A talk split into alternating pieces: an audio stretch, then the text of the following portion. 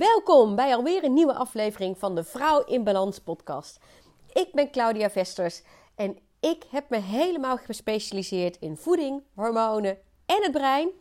En vrouwen, en tegenwoordig ook wel mannen hoor, te coachen naar een gezonde, dieetvrije relatie met eten. En daarbij ook ervoor te gaan zorgen dat de hormonen optimaal voor ze gaan werken, waardoor ook de stofwisseling aangaat en het afvallen ook gebeurt. En in deze podcast gaan we het eens hebben over hoe frustrerend het eigenlijk is dat je zoveel verschillende voedingsadviezen hebt, maar dat je keel continu terug bij afgaat. Nou, ik kan er eigenlijk heel kort en krachtig over zijn. Weet je hoe dat komt?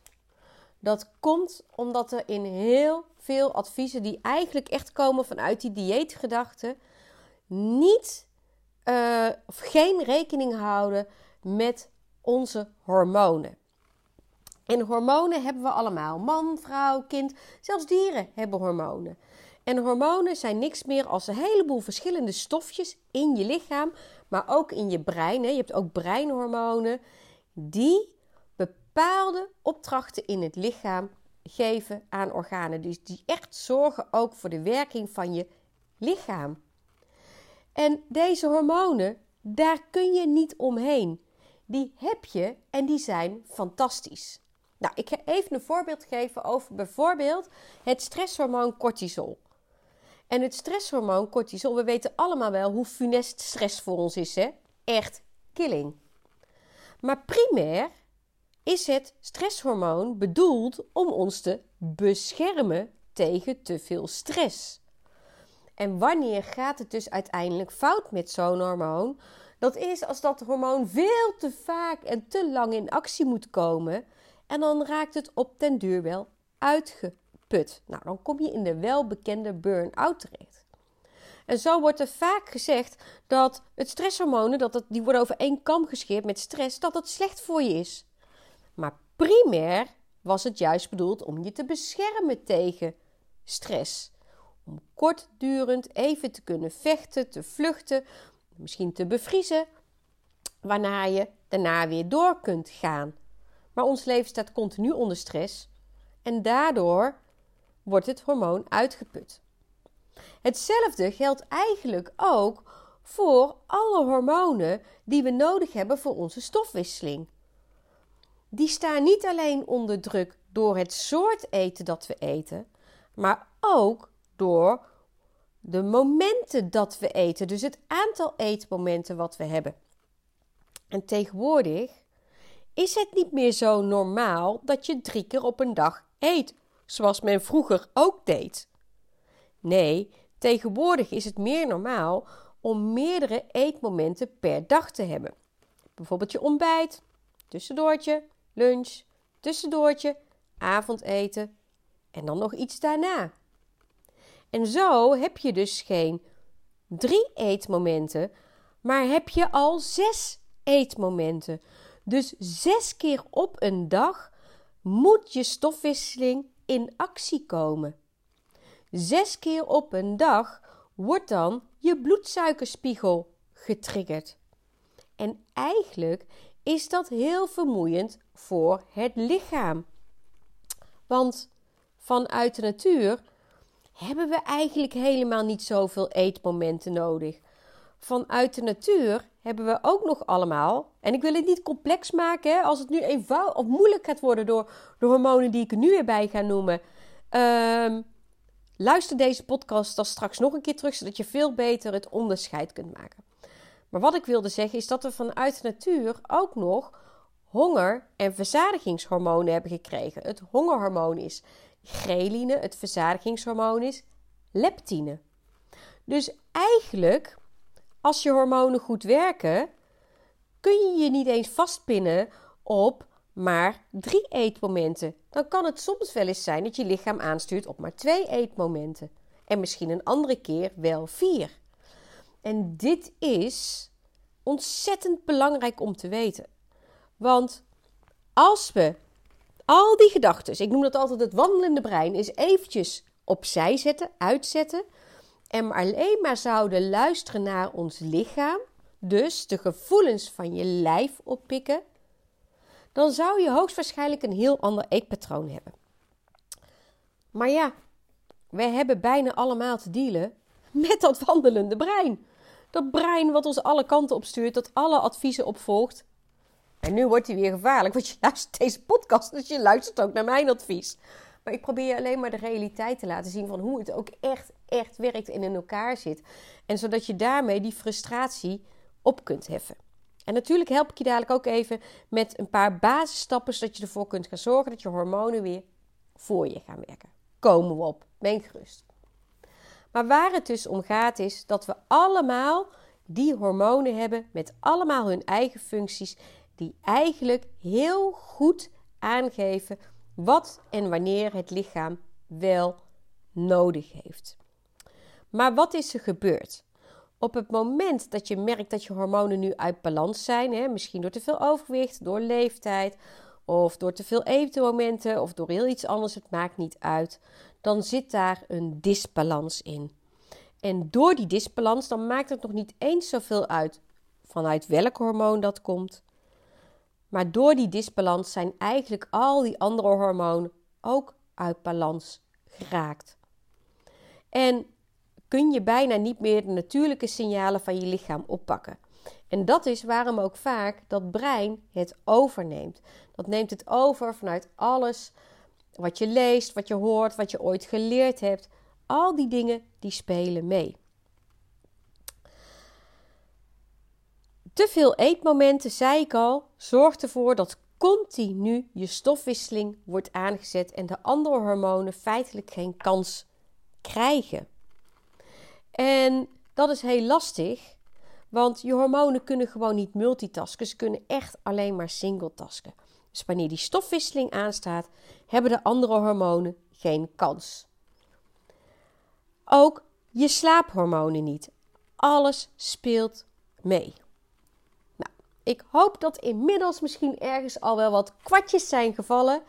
En nu ga ik je helpen met praktische tips om dit te gaan veranderen. Wat is belangrijk om te doen? Belangrijk is eigenlijk om minder tijd uh, wel te eten dan niet te eten. Dus de tijd dat je eet korter te maken dan de uren dat je niet eet. Nou, dat doe je heel eenvoudig. Je hebt 24 uur in een dag. En als je zeg maar je ontbijt om 7 uur neemt, ik zeg maar iets hè, je ontbijt om 7 uur en je gaat s'avonds om 6 uur eten, dan heb je 11 uur besteed aan eten en 13 uur aan niet eten. En dan verkort je dus al de tijd dat je eet ten opzichte van de tijd dat je uh, niet eet. dit is waar het over gaat. Uh, nou kun je natuurlijk ook uh, binnen die uren spelen. Hè? Dus als je zegt van oké, ik ontbijt liever wat later. Um, ik eet liever s'avonds wat eerder. Of misschien zeg je ik ontbijt liever wat later en ik eet s'avonds wat later. Het principe blijft gelijk. Maar, er is wel een maar. Want rond een uur of acht s'avonds, dan is het vanuit de natuur de bedoeling dat je lichaam het slaaphormoon gaat aanmaken. Want uiteindelijk moet je natuurlijk in slaap gevallen en ook dat is hormonaal. Dus als je na 8 uur s'avonds nog gaat eten, over het algemeen een keertje, alles is niet zo erg. Maar als je over het algemeen na 8 uur s'avonds ook nog gaat eten, verstoor je weer de aanmaak van die slaaphormonen en slaat je, staat je slaap onder druk. En dat is natuurlijk heel lastig. Dus met dat eetraam wat je voor jezelf maakt, die tijd dat je wel eet, hou daar alsjeblieft rekening mee voor een optimaal werkend hormonaal systeem. Binnen dat eetgaan wat je maakt hè, om je hormonen te gaan herstellen, focus je dan op drie keer per dag eten. Drie keer per dag voldoende eten. En wat is dan voldoende eten? Nou, dat kun je heel eenvoudig berekenen op bij website. Daar heb je het kopje ook uh, met extra's. En daar zie je onder breek je je ideale calorieinname. En calorieën wil niks anders zeggen als energie. Dus ga de hoeveelheid energie eten die jouw lichaam ook daadwerkelijk van je nodig heeft. Nou, die hoeveelheid die daaruit komt, die kun je gewoon verdelen in drie uh, maaltijden, drie porties. Daarvoor kun je weer een app gebruiken, bijvoorbeeld mijn fitnesspel of tips volgen die ik ook geef. Ehm, en daarmee zorg je ervoor dat je lichaam drie keer per dag voldoende energie binnenkrijgt om optimaal voor je te werken.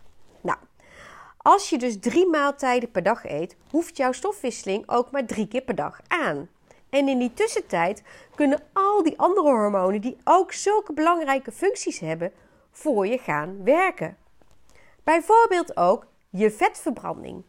Want iedere keer dat je eet, wordt je stofwisseling aangezet en dat betekent dat je in de suikerverbranding zit. Dus de vetverbranding krijgt geen schijn van kans. Stel je nou eens voor dat je zes eetmomenten per dag hebt. Dan zet je dus zes keer per dag die suikerverbranding aan in de plaats van dat je vet gaat verbranden. Vet is de beste brandstof voor het lichaam eigenlijk. Eten is bedoeld om voedingsstoffen binnen te krijgen.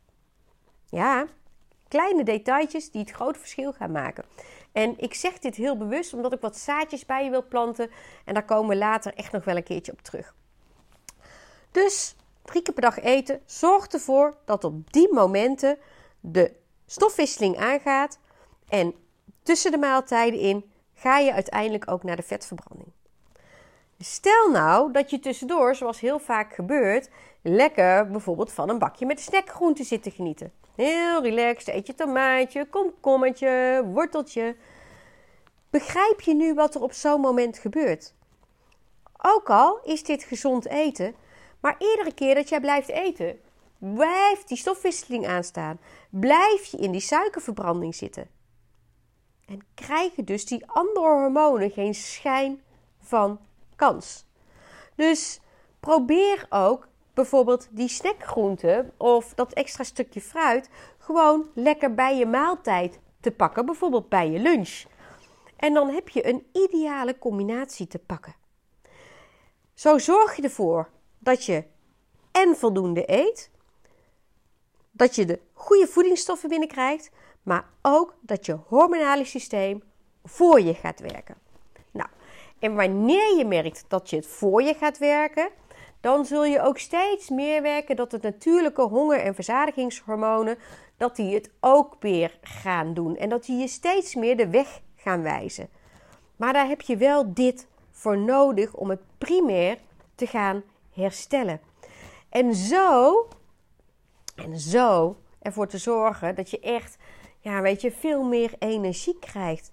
En ook dat het afvallen, als het goed is, op gang gaat komen, mocht je dat willen. Ja, en lieverd, ik begrijp het dat het misschien heel frustrerend is dat je zoveel verschillende voedingsadviezen hebt gekregen. Je zou kunnen zeggen: hey, dit is weer een nieuw advies erbij. Ja, dat zou kunnen. Ehm, maar wat ik je vertel is echt alleen maar gebaseerd op hoe je lichaam echt, echt werkt. En ehm, dat is wat ik jou gun. Want je hebt gewoon te dealen met je lichaam. En je lichaam heeft een zelfsturend vermogen, ook een zelfhelend vermogen. Hè? Ehm, en daar kunnen we tegen blijven vechten. Maar eigenlijk is het veel makkelijker om erin mee te gaan werken. Dus als je doorhebt hoe je lichaam ook echt werkt, dan kun je daarop anticiperen. Kun je daarin meegaan en het hem gaan geven. Ja, en dan zul je zien dat al heel snel heel veel problemen opgelost worden. Sommige problemen zullen misschien wat lange tijd nodig hebben. En een probleem kan zijn: ik heb te veel gewicht, overgewicht, kilo's waar ik vanaf wil. Ja, dat heeft tijd nodig. Het is niet zo van ik begin vandaag en over vier weken ben ik, uh, als ik het op een gezonde manier doe, 10 kilo kwijt. Nee, dat heeft tijd nodig. Maar je zult al heel snel merken dat als je dit gaat doen, dat je meer energie terugkrijgt. Dus merk dat op vanuit je lichaam. Dat je misschien beter gaat slapen, dat dingen makkelijker gaan. En je zult ook zien dat op de weegschaal stapje voor stap dat gewicht zal dalen. En hier kom je ook weer in zo'n verschil. Hè? Je bent je kilo's niet, je hebt kilo's. En je hebt een lichaam en daar kleven kilo's aan.